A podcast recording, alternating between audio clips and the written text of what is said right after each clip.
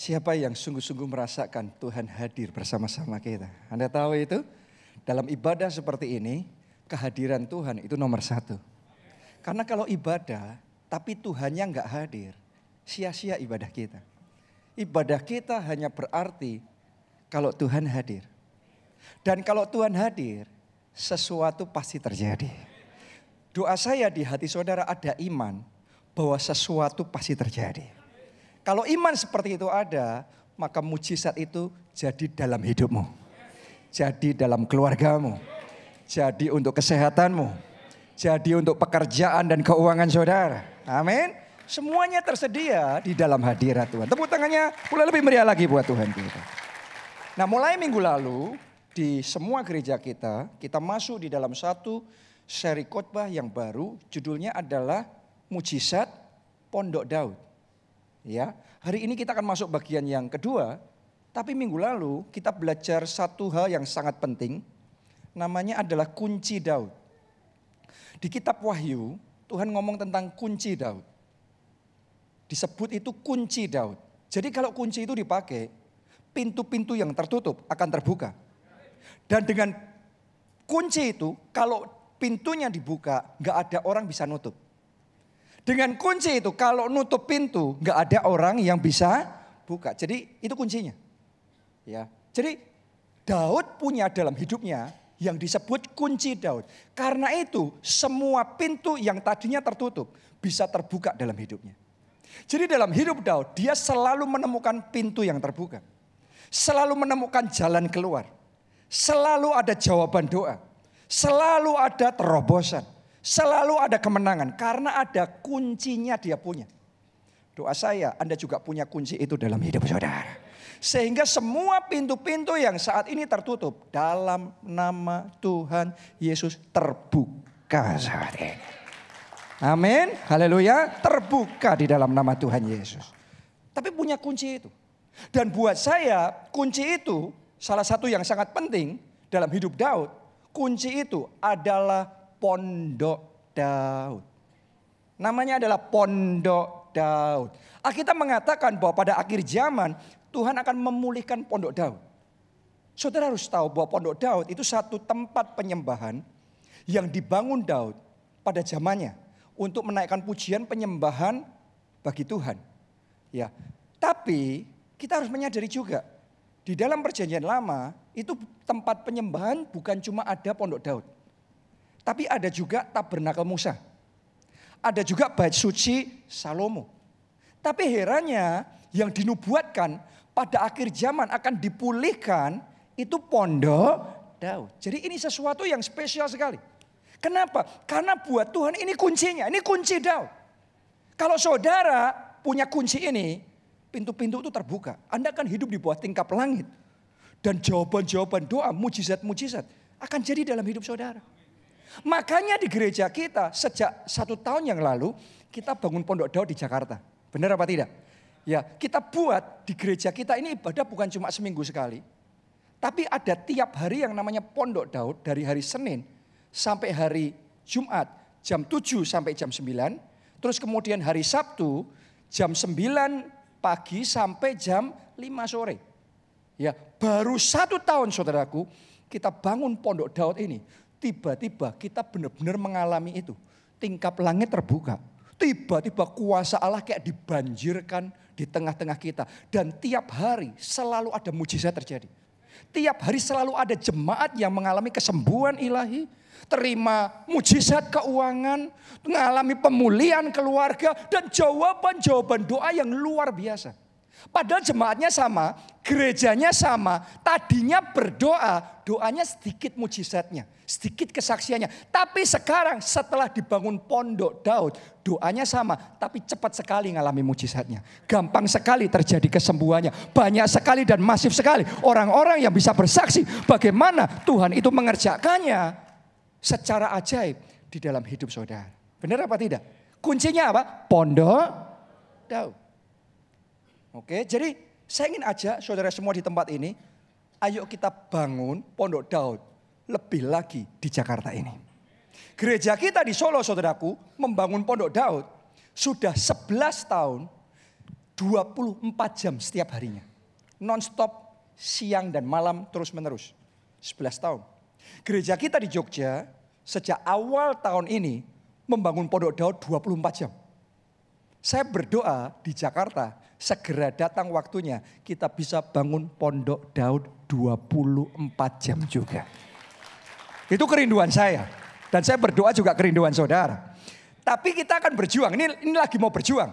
ya Lagi mau berjuang. Supaya tinggal tiga bulan uh, eh, 2019 ini akan selesai. Doa saya di 2019 ini pondok Daud kita bisa tingkatkan jadi 8 jam sehari. Oke, jadi saudara akan punya waktu ya, saudara akan punya waktu kapan pun saudara perlu datang sama Tuhan, memuji, menyembah Tuhan, tempat ini bisa terbuka, ada pujian, penyembahan, ucapan syukur, pengagungan, puji-pujian yang dinaikkan di hadapan Tuhan senantiasa. Kalau dalam satu tahun aja pondok Daudnya masih segitu dan kita mengalami banjir kuasa Allahnya seperti sekarang ini, saya yakin kalau kita lipat gandakan pondok Daudnya, saudara siap-siap aja. Masif mujizat yang luar biasa yang tidak masuk akal. Tuhan akan nyatakan dan manifestasikan dalam hidup kita. Yang percaya boleh katakan amin. Ayo kita kasih tepuk tangannya oleh yang meriah buat Tuhan kita. Nah hari ini di bagian yang kedua dari seri khotbah ini, saya akan membagikan kepada kita semua apa sih yang membuat pondok Daud itu begitu spesial buat Tuhan. Kenapa yang mau dipulihkan ini Pondok Daud, bukan yang lain. Tapi Pondok Daud, Pondok Daud. Apa yang spesial pada Pondok Daud? Jawabannya sebenarnya sederhana. Yang spesial dari Pondok Daud adalah di situ ada hatinya Daud. Maksud saya adalah hati menyembahnya Daud. Ya, saya ajak kita baca dulu di 1 Samuel 15 ayat 26 sampai 28. Ya. Ini adalah perbandingan antara Daud dibandingkan dengan Saul. Raja Israel sebelum Daud. Saya bacakan. Tetapi jawab Samuel kepada Saul, aku tidak akan kembali bersama-sama dengan engkau sebab engkau telah menolak firman Tuhan. Jadi Saul tuh hatinya nggak nerima firman, nggak mau. Hatinya menolak firman, berarti tidak taat. Hatinya begitu. Ya. Sebab itu Tuhan telah menolak engkau sebagai raja atas Israel. Ketika Samuel berpaling hendak pergi, maka Saul memegang punca jubah Samuel tetapi terkoyak. Kemudian berkatalah Samuel kepadanya, Tuhan telah mengoyakkan daripadamu jabatan raja atas Israel pada hari ini dan telah memberikannya kepada siapa? Anda baca di situ sama siapa? Ditulis kepada orang lain yang lebih baik daripadamu. Saya ingin tanya, saudara sekarang sudah ngerti orang lain ini siapa? Jadi raja, jabatan raja dialihkan dari Saul kepada siapa? Sama Daud. Jadi sebenarnya dengan kata lain di mata Tuhan, Daud itu dianggap orang yang lebih baik daripada Saul. Benar apa tidak? Ditulisnya begitu, orang yang lebih baik. Jadi ada perbandingan, ditimbang. Dan Daud dinilai lebih baik daripada Saul. Waktu saya merenungkan ini, secara manusia aneh. Kenapa Daud dianggap lebih baik daripada Saul? Ya, saudara harus ngerti, secara jasmani Daud nggak ada menangnya dibandingkan Saul. Secara jasmani, penilaian jasmani, Saul menang di semua sisi. Kalau Anda pelajari dalam Alkitab, Anda akan menemukan keluarganya Saul itu keluarga yang terhormat. Keluarga yang stratanya di atas. Beda kelas sama Daud. Oke, jauh lebih terpandang Saul ini. Saul dicatat juga dia adalah paling rupawan di antara semua bangsa Israel. Posturnya wah tinggi. Wah gagah saudaraku. Dia punya karisma raja. Makanya ini cocok banget. Ini perawaannya semua sisi ini ini luar biasa. Saya yakin kalau Saul ada di tengah-tengah kita sekarang, ya yang cewek-cewek mungkin bisa kelepek kelepek kelepek kelepek. Oke, wah, wah, wah. Oke, ya. Itu itu Saul secara jasmani semuanya hebat, semuanya unggul, semuanya luar biasa. Tapi anehnya Tuhan ngomong, Daud lebih baik daripada Saul. Kenapa kok Daud lebih baik daripada Saul? Simple. Karena kualitas hatinya. Secara jasmani boleh kalah. Tapi hatinya itu yang mengesankan buat Tuhan. Hatinya itu yang menyukakan buat Tuhan. Jadi saya mau ngomong sama saudara, kalau saat ini secara jasmani Anda kayak nggak dianggap. Secara jasmani kondisi saudara terbatas dan biasa-biasa. Jangan khawatir, pastikan hati saudara berkenan di hadapan Tuhan. Pastikan hati saudara menyukakan hati Tuhan. Amin. Karena kalau saudara hatinya Tuhan suka, anything can happen. Lihat Daud, gembala domba dua tiga ekor itu, ya bisa diangkat Tuhan jadi raja atas seluruh bangsa Israel. Kenapa? Kalau Tuhan sudah suka, Alkitab mau di tangan Tuhan kuasa meninggikan dan merendahkan. Kalau saudara sudah menyukakan hati Tuhan, orang kalau sudah suka, diangkat enggak? Naik. Saya berdoa dalam hidupmu mulai sekarang naik. Naik dan tidak turun, naik, naik dan tidak turun karena saudara menyukakan hati Tuhan. Tepuk tangannya boleh yang meriah buat Tuhan kita. Haleluya. Karena itu pastikan punya kualitas hati yang baik. Seperti Daud. Kualitas hati Daud itu gimana sih? Ya saya ingin bagikan beberapa. Supaya kita punya gambaran tentang hatinya Daud. Daud ini punya hati luar biasa. Hatinya saudaraku, dia itu berani orangnya. Beraninya nggak ngawur. Beraninya karena dia percaya kepada Tuhan. Masih ingat kisah ketika Goliat menantang tentara Israel? Semua tentara Israel termasuk Saul takut. Tapi Daud sendiri yang berani maju menghadapi Goliat. Kenapa? Karena dia percaya Tuhan semesta alam ada di pihaknya. Jadi karena dia percaya, dia berani. Artinya begini, Tuhan ketika melihat hati Daud yang percaya walaupun musuhnya besar, lawannya besar, tapi percaya sama Tuhan, tidak takut. Tuhan ngomong, ini hati yang aku suka. Doa saya kalau saat ini saudara sedang menghadapi masalah besar, persoalan besar dalam hidupmu, dalam keluargamu. Saya berdoa yang dilihat Tuhan bukan ketakutan, bukan kekhawatiran. Yang ditemukan Tuhan adalah iman. Hati yang percaya bahwa Tuhan menyertai aku. Bahwa Tuhan tidak meninggalkan. Bahwa kalau Allah di pihakku, siapa lawanku. Kalau Allah bersamaku, aku akan melakukan perkara yang besar dan ajaib. Waktu Tuhan ngelihat iman seperti itu, hati seperti itu, itu yang menyukakan hati Tuhan. Oke, jadi sama-sama menghadapi masalah, yang dilihat Tuhan itu hatinya. Ada ibadah seperti ini yang dilihat Tuhan itu hatinya, beda sama yang dilihat manusia. Makanya kalau saudara mau menyukakan manusia, itu beda strateginya sama menyukakan Tuhan. Kalau saudara mau menyukakan manusia, Anda susah untuk ngomong yang penting hati, yang penting hati. Manusia kita ngomong melihat apa? Penampilan. Makanya penampilan ya penting untuk berinteraksi sama manusia. Benar ya? Tapi kalau sudah urusan sama Tuhan, tolong dengarkan baik-baik. Lebih dari engkau mendandani penampilanmu, pastikan engkau mendandani hatimu supaya ditemukan hatimu menyukakan hati Tuhan, hati yang berkenan di hadapan Tuhan, hati yang percaya sama Tuhan. Daud punya hati yang taat. Taat. Dia disuruh sama bapaknya untuk bawa makanan buat kakak-kakaknya.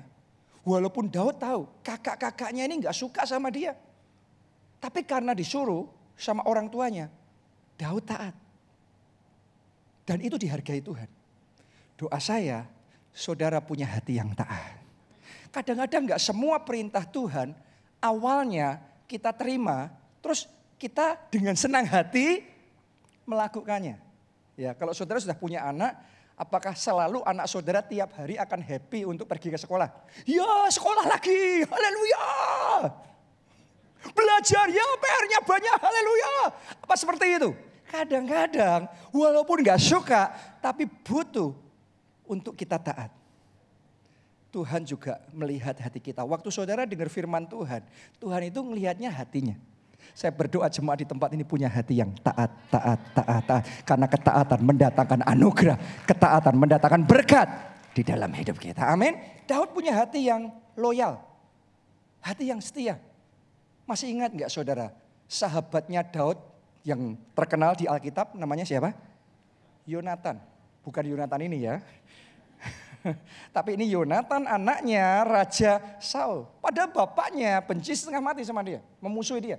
Tapi dia tetap berteman, bersahabat sama Yonatan. Bahkan mereka mengikat janji nanti sampai keturunannya akan saling melindungi dan saling memelihara satu dengan yang lain. Nah, ternyata setelah janji itu perjalanan berikutnya Saul mati. Termasuk Yonatan juga mati. Oke. Jadi sekarang Daud sudah jadi raja. Sudah luar biasa. Dia sudah nggak butuh Saul, dia sudah nggak butuh Yonatan. Tapi dia ingat sama perjanjian itu dan benar-benar dia lakukan. Dia cari keturunannya Yonatan namanya Mephiboset dan dia pelihara Mephiboset itu. Dia pastikan semua hidupnya baik. Coba saudara renungkan. Untuk menepati janji seperti itu butuh biaya nggak buat Daud? Yes, biayanya besar, nggak main-main. Ya, tapi padahal Daud, maksudnya gini, Yonatan kan sudah nggak ada, Saul nggak ada. Dia dapat apa? Untungnya secara manusia nggak ada. Jadi buat secara manusia menepati janji itu rugi. Tapi walaupun rugi, Daud tetap menepati janjinya. Daud tetap setia dengan persahabatannya sama Yonatan. Dia tetap setia dengan perkataannya. Dan saya mau ngomong begini sama saudara, itu dihargai Tuhan. Kita manusia itu cuma sering kali mikir ini plus minusnya itu berdasarkan untung ruginya kita. Kalau untung kita mau, rugi kita nggak mau. Buat manusia benar seperti itu. Tapi buat Tuhan, kesetiaan itu punya nilai. Kalau saudara dianggap orang loyalnya Tuhan, saya mau katakan sama saudara, surga akan membackup saudara. Bala tentara surgawi akan menyertai saudara. Jadi pastikan punya hati yang setia. Ini hatinya Daud, hatinya baik, kualitasnya baik. Jadi perkara demi perkara terjadi dalam hidup Daud. Tuhan kok menemukan, wah ini kok bagus ya. Hatinya kok taat, hatinya percaya, hatinya setia. Dan lebih lagi saudaraku, menurut saya kualitas hati Daud yang paling Tuhan suka adalah karena Daud punya hati yang menyembah. Oke, jadi yang namanya menyembah buat Daud itu bukan acara seminggu sekali di gereja. Di bait Allah. Banyak orang hanya menyembah Tuhan, ya kalau di gereja seminggu sekali disuruh angkat tangan ya angkat tangan. Disuruh tepuk tangan ya tepuk tangan ya paling ikut, ikut nyanyi. Saudara harus tahu, nyanyi itu beda sama menyembah. Nyanyi itu Anda ngelihat kata-kata ya ikut nyanyi. Tapi menyembah itu terjadi dalam hati.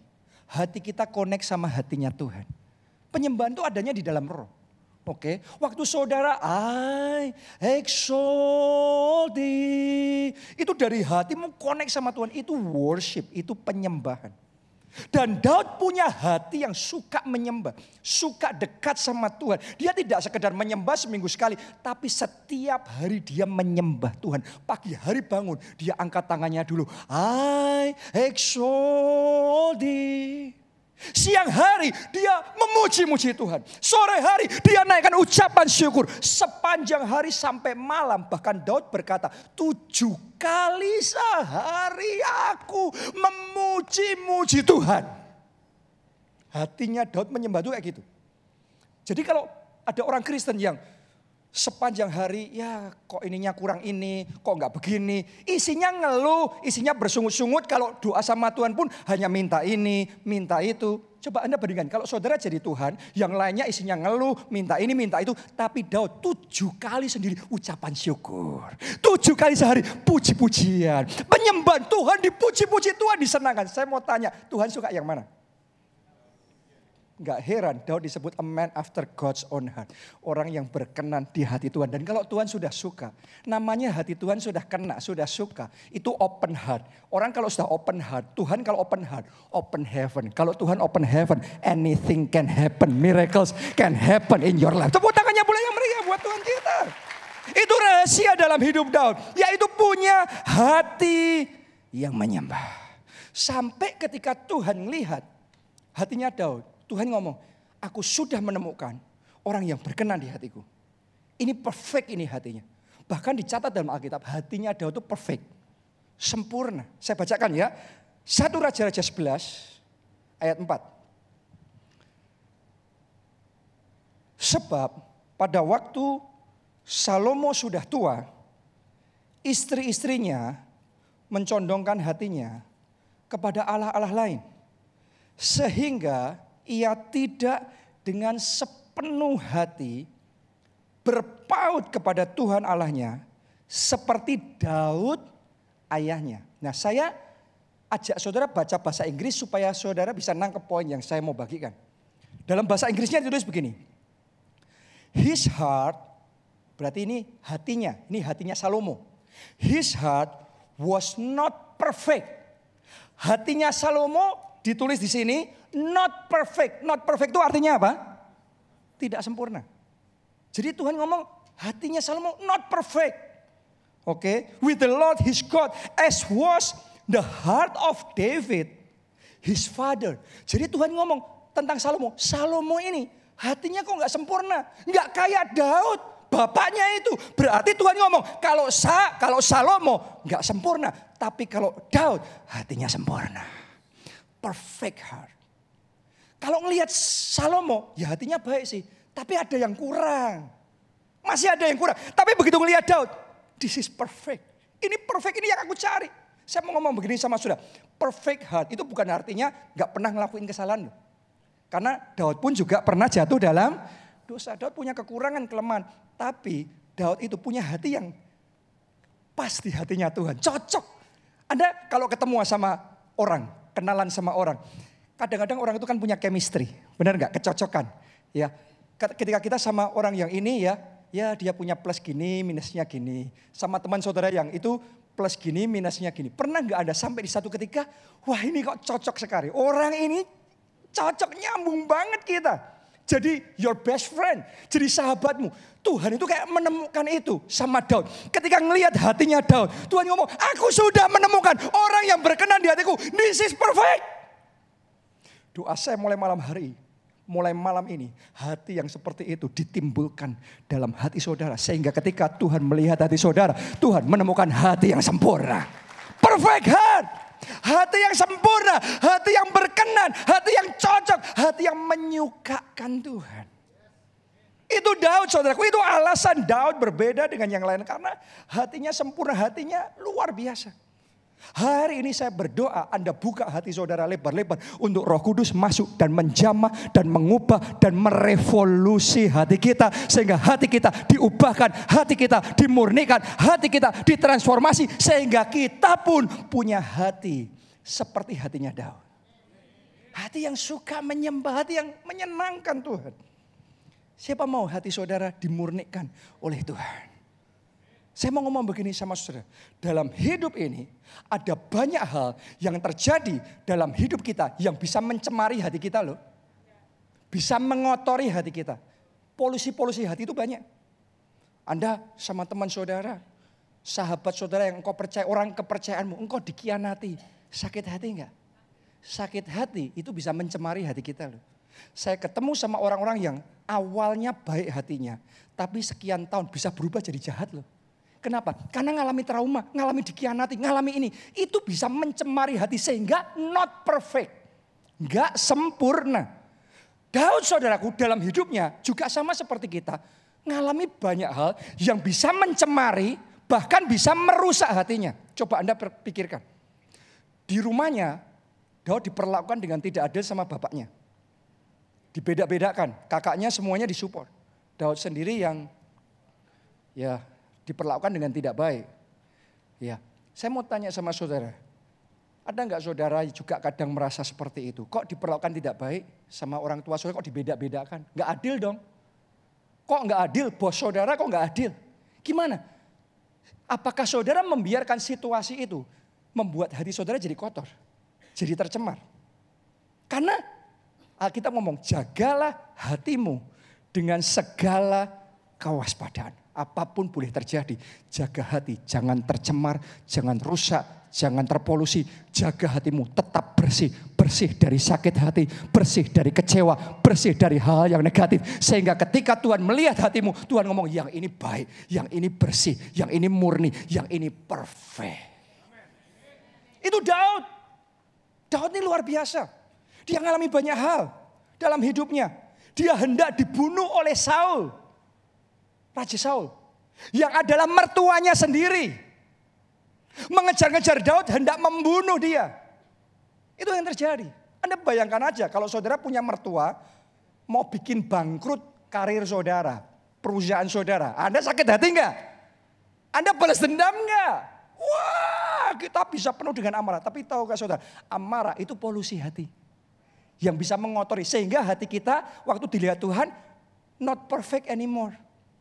Nggak sempurna lagi. Daud mengalami semua peristiwa itu. Daud saudaraku dikhianati oleh anaknya sendiri. Siapa namanya? Absalom. Anda harus tahu buat Daud Absalom itu sebenarnya anak yang paling disayang. Dan saya yakin itu yang dipersiapkan bakal jadi raja. Tapi kepada tapi anaknya yang paling disayang itu yang mengkhianati dia. Sehingga Daud sempat harus lari sesaat dari istananya. Walaupun setelah itu karena Tuhan menyertai bisa ambil alih lagi. Tapi dikhianatin sama anak sendiri yang paling disayang itu rasanya gimana sih saudara? Sakit sekali. Daud ngalami itu. Daud pernah dihina oleh Nabal. Daud dikutuki oleh Simei. Jadi peristiwa demi peristiwa yang kita bisa pelajari di dalam Alkitab. Ada banyak kejadian yang dialami Daud. Kalau Daud nggak jaga hati, hatinya bisa tidak perfect lagi. Hatinya bisa tercemar, hatinya bisa rusak.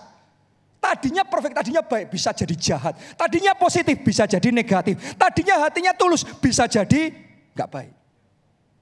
Tapi hebatnya, walaupun mengalami semuanya itu, Daud berhasil menjaga hatinya dengan segala kewaspadaan. Hatinya tetap murni, hatinya tetap bersih, hatinya tetap perfect. Doa saya itu yang roh kudus akan kerjakan dalam hati kita masing-masing di tempat ini. Zaman Tuhan ada dalam hidup saudara, karya roh kudus mulai bekerja dalam hati saudara yang kotor-kotor dibersihkan, yang tidak baik, yang pencemaran-pencemaran polusi hati disingkirkan dari hati saudara. Kekecewaan, sakit hati dilenyapkan, ketakutan, kebimbangan dilenyapkan. Hati saudara dibersihkan dibaharui, dan disegarkan dalam nama Tuhan Yesus.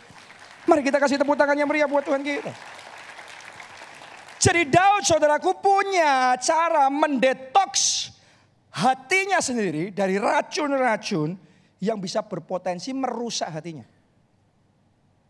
Siapa mau juga mendetoks hati saudara supaya banyak hal boleh terjadi Kan itu di luar kendali kita. Tapi yang di dalam kendali kita, kita tetap bisa jaga hati, tetap bersih. Sehingga Tuhan bisa ngomong yang ini baik, yang ini positif, yang ini perfect. Siapa yang mau?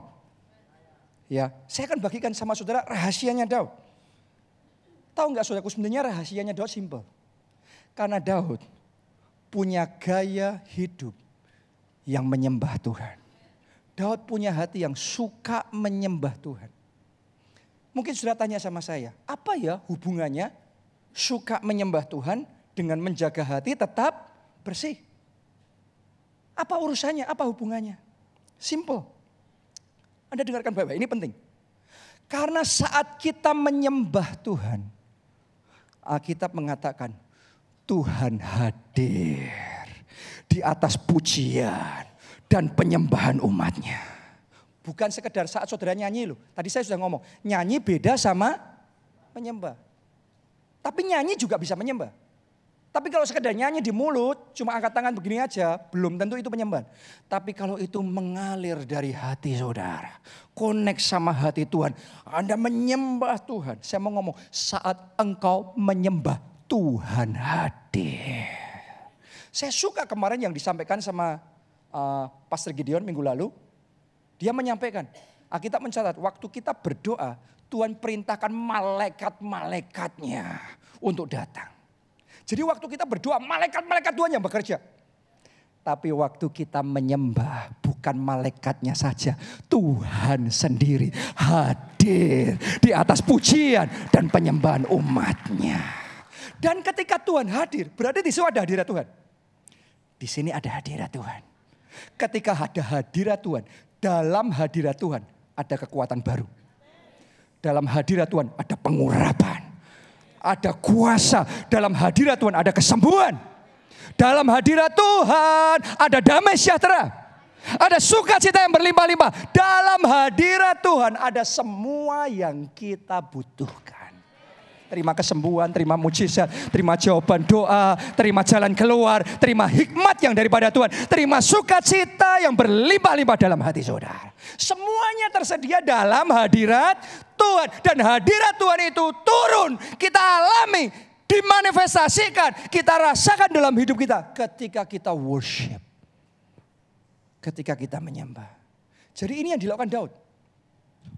Waktu Daud lemah, kadang orang kan ada kalanya ngerasa lemah. Karena masalah bertubi-tubi. Masalah tumpuk menumpuk.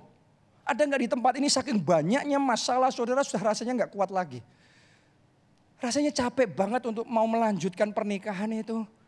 Anda mau ngomongan sama pasangan saudara aja sudah sudah nggak tahu lagi mau ngomong apa lagi. Rasanya mau giving up aja. Rasanya mau menyerah. Menyerah dengan mau bayar utang mau berapa tahun lagi. Seumur hidup hanya untuk bayar hutang. Dan kemungkinan nggak akan pernah selesai. Kalau secara manusia kadang-kadang kita ada dalam situasi ketika sudah too much. Ketika beban itu sudah terlalu berat. Kita capek. Kita latih lesu. Kita berbeban berat. Masalahnya banyak orang dalam kondisi seperti itu. Terus bersungut-sungut. Tapi beda sama Daud. Dalam kondisi lemah, dia menyembah Tuhan. Ketika dia menyembah Tuhan, Tuhan hadir.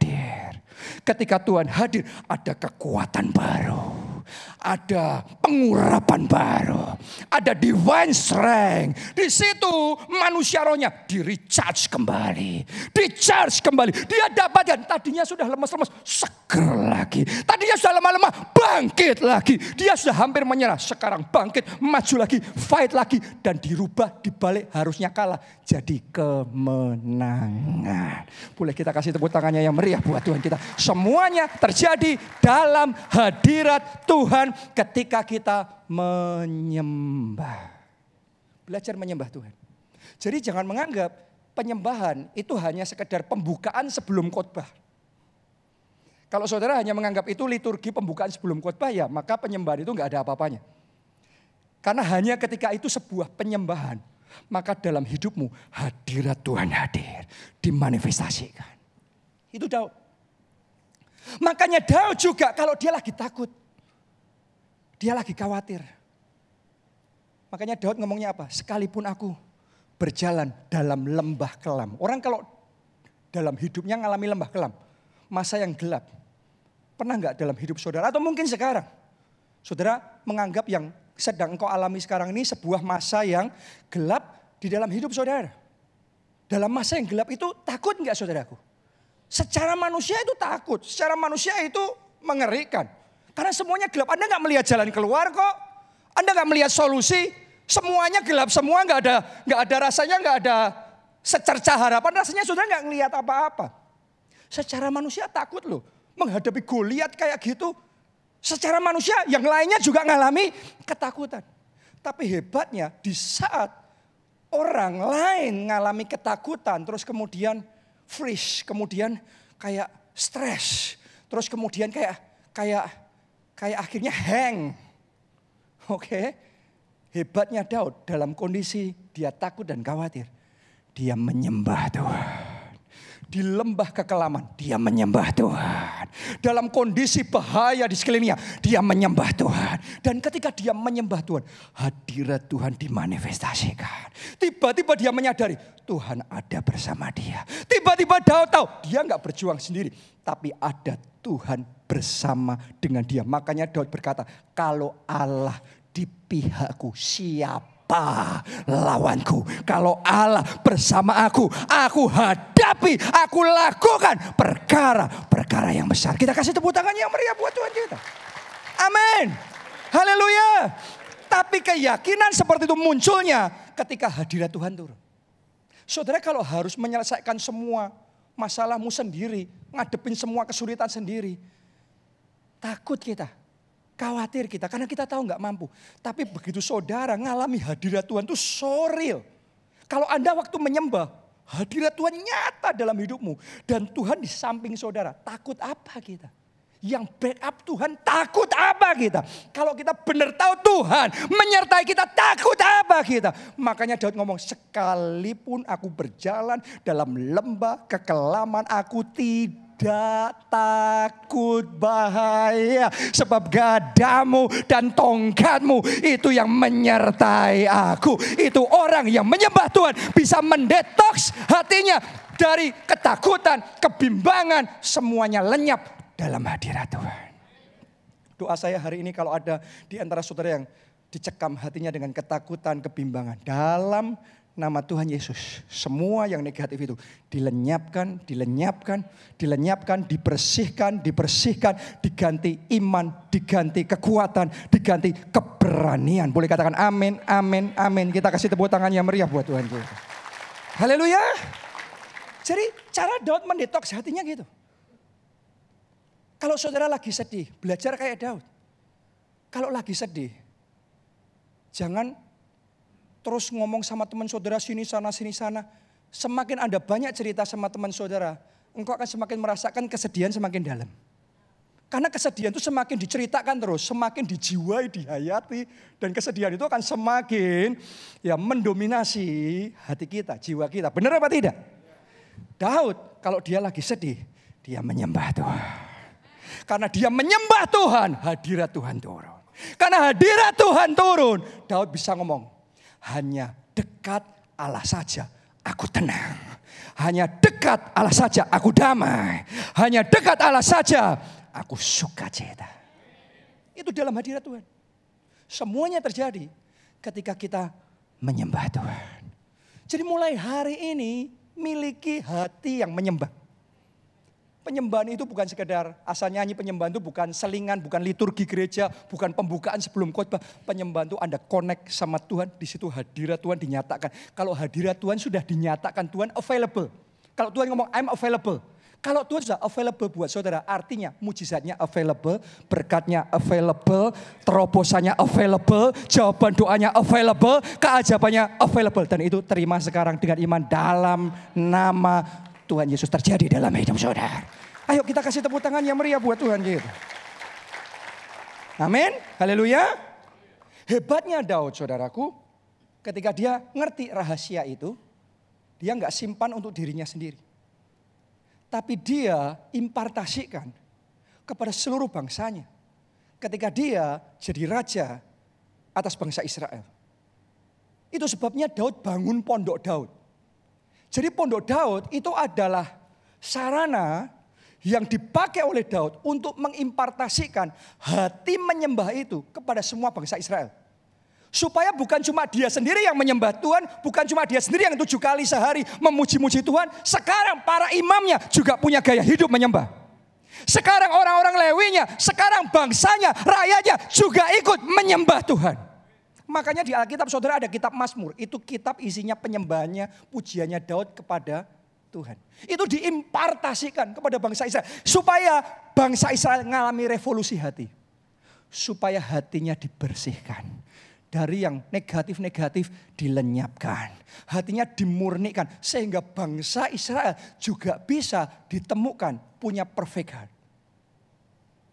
Saya berdoa jemaat di tempat ini. Tuhan temukan saudara perfect heart. Tuhan lihat hati saudara dan Tuhan komennya. This is perfect. Ini yang aku suka. Mari saya bacakan ayat terakhir. Yaitu satu Tawarik 29 ayatnya yang ke 9.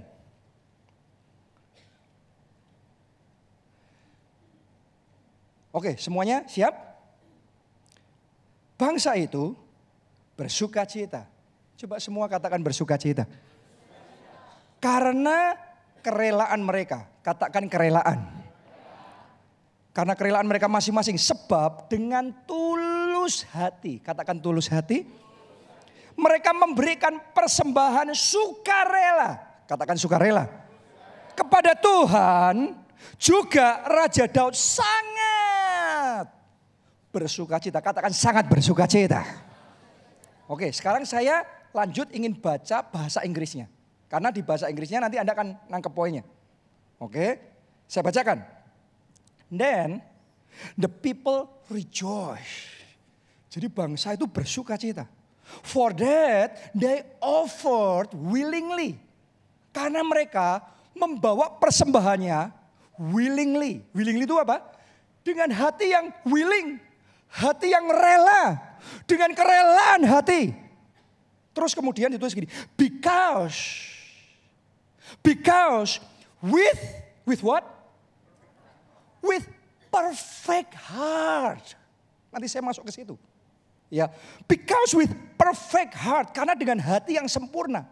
They offered willingly. Mereka memberi persembahan dengan willing dengan kerelaan to the Lord kepada Tuhan. And David the king dan Daud raja itu also rejoice with great joy. Dengan sukacita yang besar. Anda baca tadi di sana. Ditulis bangsa itu membawa persembahan apa? With perfect heart. Tadi awalnya kita pelajari yang disebut punya hati yang perfect di mata Tuhan baru Daud sendiri. Tapi sejak Daud bangun pondok Daud 24 jam setiap hari. Semua bangsa Israel diajak untuk memuji menyembah seperti itu. Itu terjadi impartasi. Terjadi revolusi hati. Sementara mereka mulai belajar memuji, menyembah, mengucap syukur. Roh Kudus mulai bekerja menjamah hati mereka. Sampai di satu titik sekarang bukan cuma Daud. Karena tadi di sana dibaca, kita baca bukan cuma he, bukan cuma Daud. Tapi they. Tapi mereka berarti bangsa itu bukan cuma Daud. Tapi bangsa itu juga punya perfect heart. Doa saya jemaat keluarga Allah punya perfect heart. Sementara engkau menyembah Tuhan, hatimu dibersihkan, hatimu dimurnikan, semua pencemaran, semua polusi-polusi hati, semua racun-racun yang bisa merusak hati kita dilenyapkan dalam nama Yesus. Hati kita dimurnikan sehingga Tuhan menemukan perfect heart. Doa saya hari ini sementara engkau beribadah, Tuhan menemukan Anda beribadah with perfect heart dengan hati yang sempurna. Doa saya ketika engkau melayani Tuhan. Hari ini saya ajak semua pelayan Tuhan. Layanilah Tuhan with perfect heart. Dengan hati yang sempurna. Jadi jangan melayani Tuhan hanya karena rutinitas. Jangan melayani Tuhan sambil saudara mengeluh. Berarti pelayanannya not perfect. Kayak tadi Salomo, Tuhan waktu ngelihat not perfect. Ya oke okay sih, baik sih. Tapi ada yang kurang. Kok gitu? Bener gak? Not perfect doa saya semua pelayan Tuhan di tempat ini melayani Tuhan dengan perfect heart, hati yang penuh sukacita, hati yang menyukakan Tuhan, hati yang pas ini loh melayani Tuhan harusnya gini. Biarlah rohmu menyala-nyala dan layanilah Tuhan.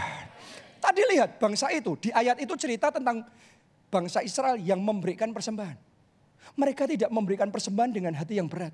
Ya suruh ngasih persembahan. Ya begini begitu. No ditulis they offered willingly. Mereka membawa persembahan itu dengan hati yang willing, dengan rela, dengan tulus hati. Bahkan dicatat mereka bersuka cita with great joy. Dengan sukacita yang besar. Makanya sama-sama membawa persembahan. Yang sini membawa persembahan dengan berat hati. Tuhan ngomong not perfect. Tapi yang di sini persembahan dengan rela hati, dengan sukacita. Waktu Tuhan terima persembahan, this is perfect. Itu yang menyentuh hati Tuhan. Itu yang membawa berkat turun atas bangsa Israel. Makanya di zaman Daud inilah bangsa Israel mengalami puncak kejayaan. Doa saya Tuhan kerjakan itu dalam hidup saudara. From glory to glory. Dari kemuliaan pada kemuliaan sampai puncak kejayaan. Boleh katakan amin. Kita kasih tepuk tangannya yang meriah buat Tuhan kita. Mari beribadah with perfect heart. Mari menyembah dengan perfect heart. Ketika engkau menyembah, tinggalkan yang lainnya. Fokus cuma sama Tuhan, menyenangkan hati Tuhan. Ketika saudara memuji Tuhan, jangan memuji sambil ngelihat sana, ngelihat sini. Coba Anda renungkan. Kalau di dunia ada performance, di mimbar. Ini di dunia aja, performance di mimbar. Terus ada penari, ada ada performer, performer, penyanyi, penarinya sambil nyanyi. Saudara sebagai penonton kan harusnya yang disuguhi performance yang perfect. Tapi kalau kalau performanya art, apa penyanyinya, penarinya, pemain musiknya sambil melakukan itu sambil ngelihat-ngelihat sana, ngelihat-ngelihat sini, nggak ngurus saudara. Kira-kira Anda masuk nerima nggak di hatimu? Tahu nggak saudara? Waktu kita penyembahan, yang nonton kita bukan manusia. Yang nonton kita cuma satu. Tuhan di surga. Lupakan yang lain. Sembah dia.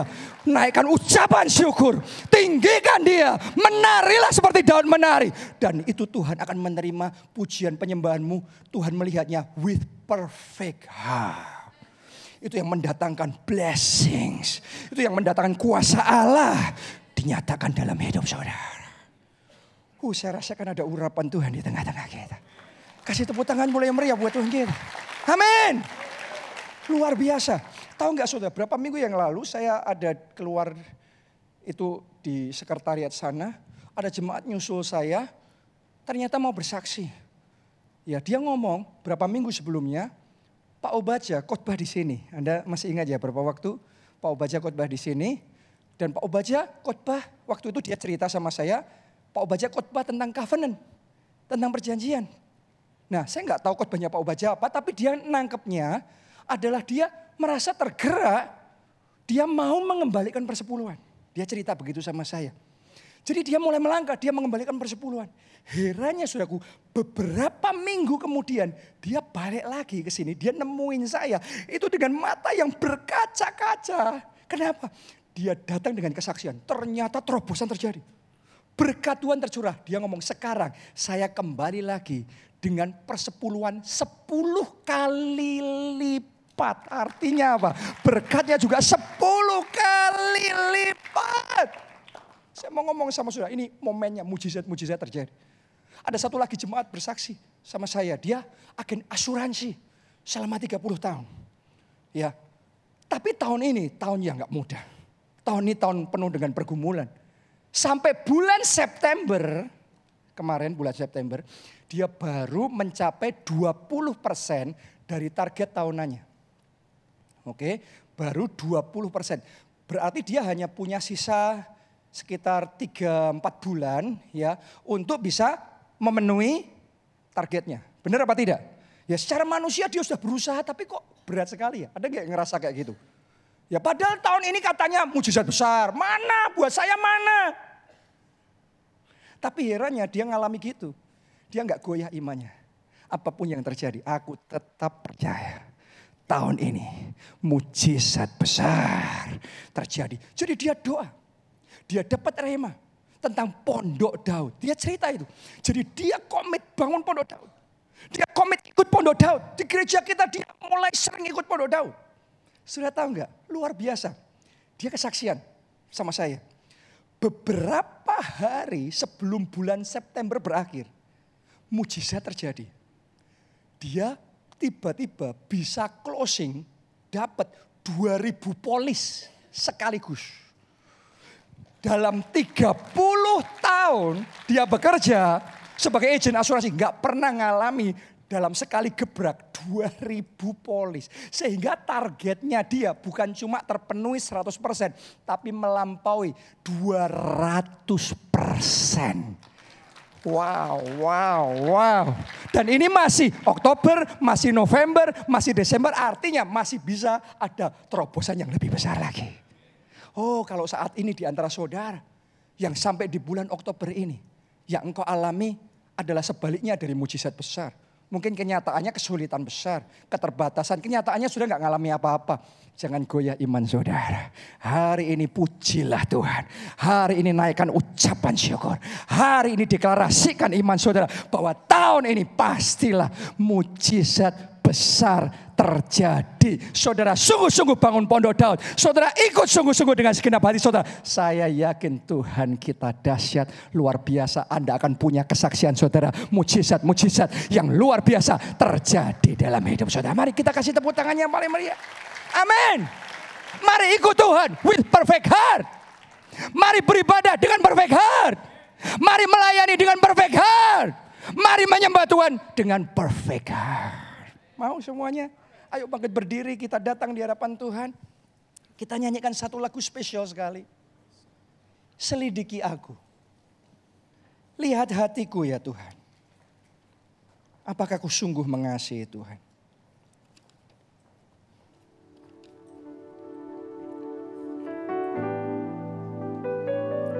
Selidiki aku, lihat hati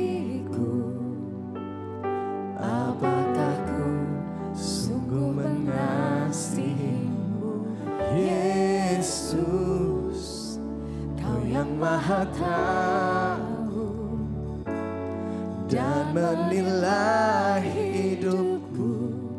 Tak ada yang tersembunyi lagi Sekali lagi selidiki aku Selidiki aku Lihat hatiku. Apakah ku sungguh mengasihimu? Yesus Kau yang maha tahu dan menilai hidupku. Tak ada yang tersembunyi Mari kita angkat kedua tangan kita. Katakan telah kulihat kebaikanmu yang tak pernah habis. Lihat itu dengan iman Bahwa kebaikan Tuhan tidak pernah habis dalam hidup berjuang sampai akhirnya kau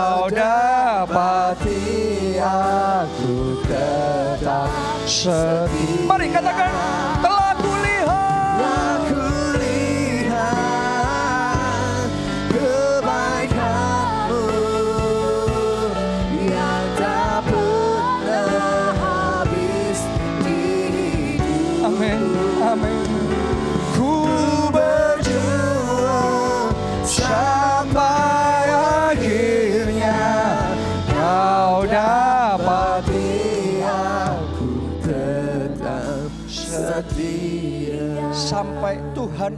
mendapati kita tetap setia Sampai Tuhan mendapati kita with perfect heart Doa saya itu yang akan Anda alami dalam hidup saudara. Sampai Tuhan ngomong ini, aku sudah menemukan orang yang berkenan di hatiku. A man after my own heart. Saya doa itu yang terjadi. Yang pertama saya mau berdoa buat saudara. Supaya hati kita dibersihkan. Karena kadang-kadang tanpa sadar, tanpa sadar ada banyak polusi hati. Ada banyak pencemaran-pencemaran yang bisa mengotori hati kita. Dan itu penghalang loh. Tuhan mau angkat saudara lebih lagi. Tapi yang Tuhan cari itu hatinya harus bersih dulu. Perfect heartnya itu yang Tuhan cari. Karena kalau untuk mengangkat seseorang, Tuhan itu punya kuasa. Makanya gembala domba dua tiga ekor itu. Diangkatlah jadi raja atas seluruh bangsa Israel. Tapi yang dicari itu hati. Makanya ayo kita buka hati kita di hadapan Tuhan. Supaya hati ini terima jamahan Tuhan. Dibersihkan, dimurnikan dari semua kecewa, dari semua dendam, dari semua amarah, dari semua ketakutan, dari semua kebimbangan, dari semua hal-hal yang negatif. Kalau Anda mau, mari angkat dua tangan saudara. Ikuti doa saya. Katakan Bapa. Bapak Lebih kuat katakan Bapa surgawi. Surgawi Jamah aku. Bersihkan hatiku. Bersihkan hati Semua yang negatif. semua yang negatif Dilenyapkan. dilenyapkan Mulai hari ini. mulai hari Hatiku dimurnikan. hatiku dimulai Dibersihkan. dibersihkan Dalam nama Tuhan Yesus. Dalam nama Yesus. Mari angkat suara sudah berdoa, berdoa. Lenyapkan semua dendam, semua amarah. Dilenyapkan dalam nama Yesus. Kami tidak lagi mentoleransi pencemaran-pencemaran hati ini yang mengotori hati kami ini dilenyapkan saat ini dalam nama Yesus. Semua kecewa, semua sakit hati saat ini dilenyapkan, kami singkirkan dari hidup kami dalam nama Tuhan Yesus. Semua dendam, semua akar pahit dilenyapkan, dilenyapkan, dilenyapkan. Kami tidak mau membiarkan manusia lakukan kepada kami itu menyebabkan hati kami rusak. No, no, no, no. Manusia boleh mereka-rekakan yang jahat, tapi Tuhan mereka-rekakan untuk kebaikan. Doa saudara, doa, doa. Oh, rala wasya, rala wasya. Jama Tuhan, jama. Bersihkan hati kami. Bersihkan semua ketakutan, semua kebimbangan dilenyapkan sekarang. Dilenyapkan, dilenyapkan, dilenyapkan. Ketakutan, kebimbangan dilenyapkan. In the name of Jesus. Murnikan Tuhan. Murnikan, bersihkan. Jamah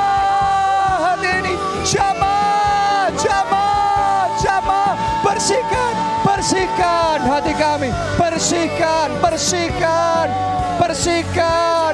Semua trauma-trauma, semua pengalaman-pengalaman yang negatif, yang mencemari itu. Bersihkan, bersihkan, bersihkan. Shira la wa shiara la wa la wa la wa la wa la wa la. Oh, ra la wa shiara la wa la wa la wa la wa shiara. Shiara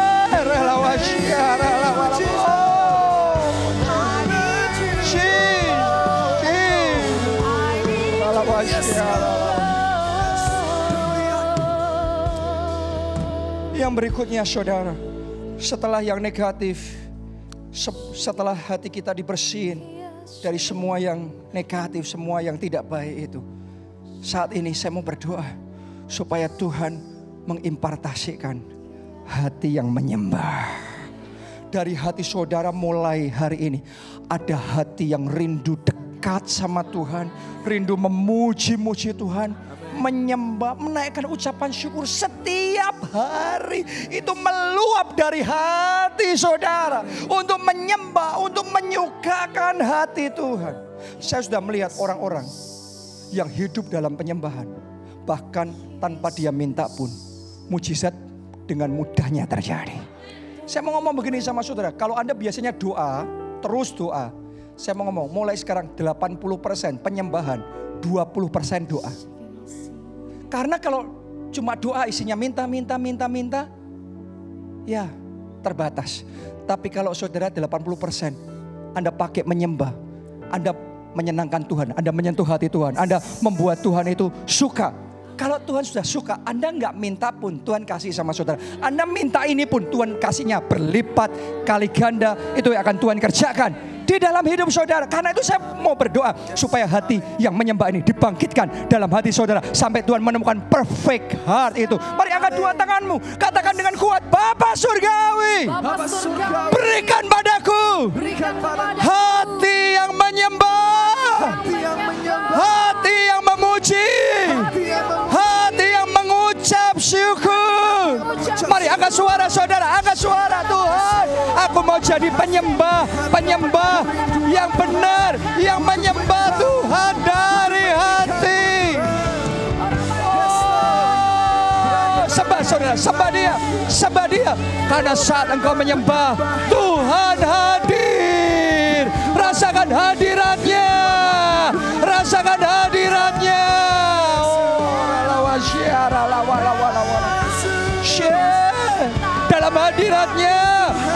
kuasa, ada kesembuhan, ada mujizat, ada berkat, berkat melimpah, ada sukacita abadi. Jesus, Jesus, Jesus. Haleluya.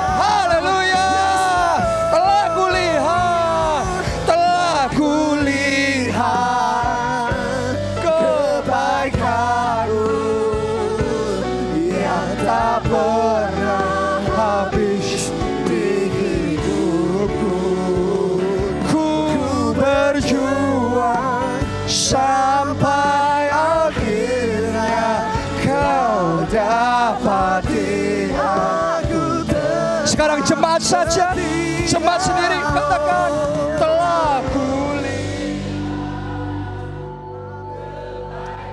Mari dengan iman lihat itu hidupmu melimpah kebaikan Tuhan. Nggak habis-habisnya kebaikan, nggak habis-habisnya mujizat, nggak habis-habisnya berkat pertolongan Tuhan. Sukacita, kasih Allah meluap dalam hidupmu. Amin, amin, amin, amin. Mari yang terakhir, lambaikan dua tangan, katakan telah kulihat kebaikanmu yang tak pernah habis